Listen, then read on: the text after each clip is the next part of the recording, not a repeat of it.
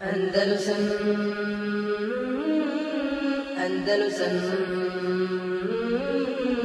Andalusam Andalusam A to je sljedeći hadis po redu, 183.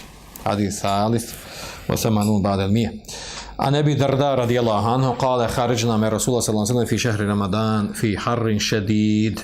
Kaže Abu Darda, izašli su mu sa Allahom i poslanikom sallallahu alaihi sallam mjesecu Ramazanu, a bila je velika, jaka, žestoka vrućina. Hatta in kane ahaduna la jedao jedehu ala re'sihi mi šiddetil har. Tako kaže da, je, da su neki od nas, kaže, stavljali svoju ruku na glavu zbog žestine, vrućine. Wama fina sa'im illa Rasulullahi sallallahu sallam. Kaže, među nama nije bio postač osim Allahu poslanik sallallahu alaihi sallam.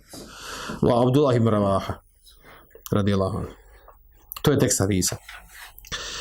Značenje ovog hadisa, znači da je skupina ashaba bila za vrijeme Ramazana, kada je bila velika vrućina na putovanju sa poslanikom sallallahu ve sellem, tako da je opisano njihovo stanje e, da niko nije postio osim poslanika sallallahu Abdullah Revahe, a zbog te žestine vrućine e, neki od njih su znači čak stavljali znači ru, stavljali su šaku ruku na glavu zbog vrućine da ne, da ne bi sunce uh, udaralo ih u glavu.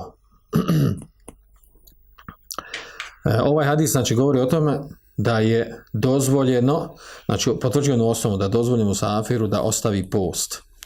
A to što je poslanik sallallahu postio sa njim od Revaha ukazuje, ukazuje znači da je dozvoljeno postiti. Bez obzira što, a ovdje je riječ o velikoj vrućini, znači u velikoj vrućini većina i nisu.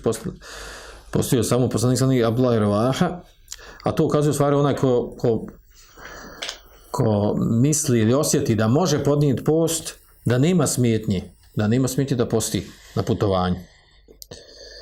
Sljedeći hadis. Andalusam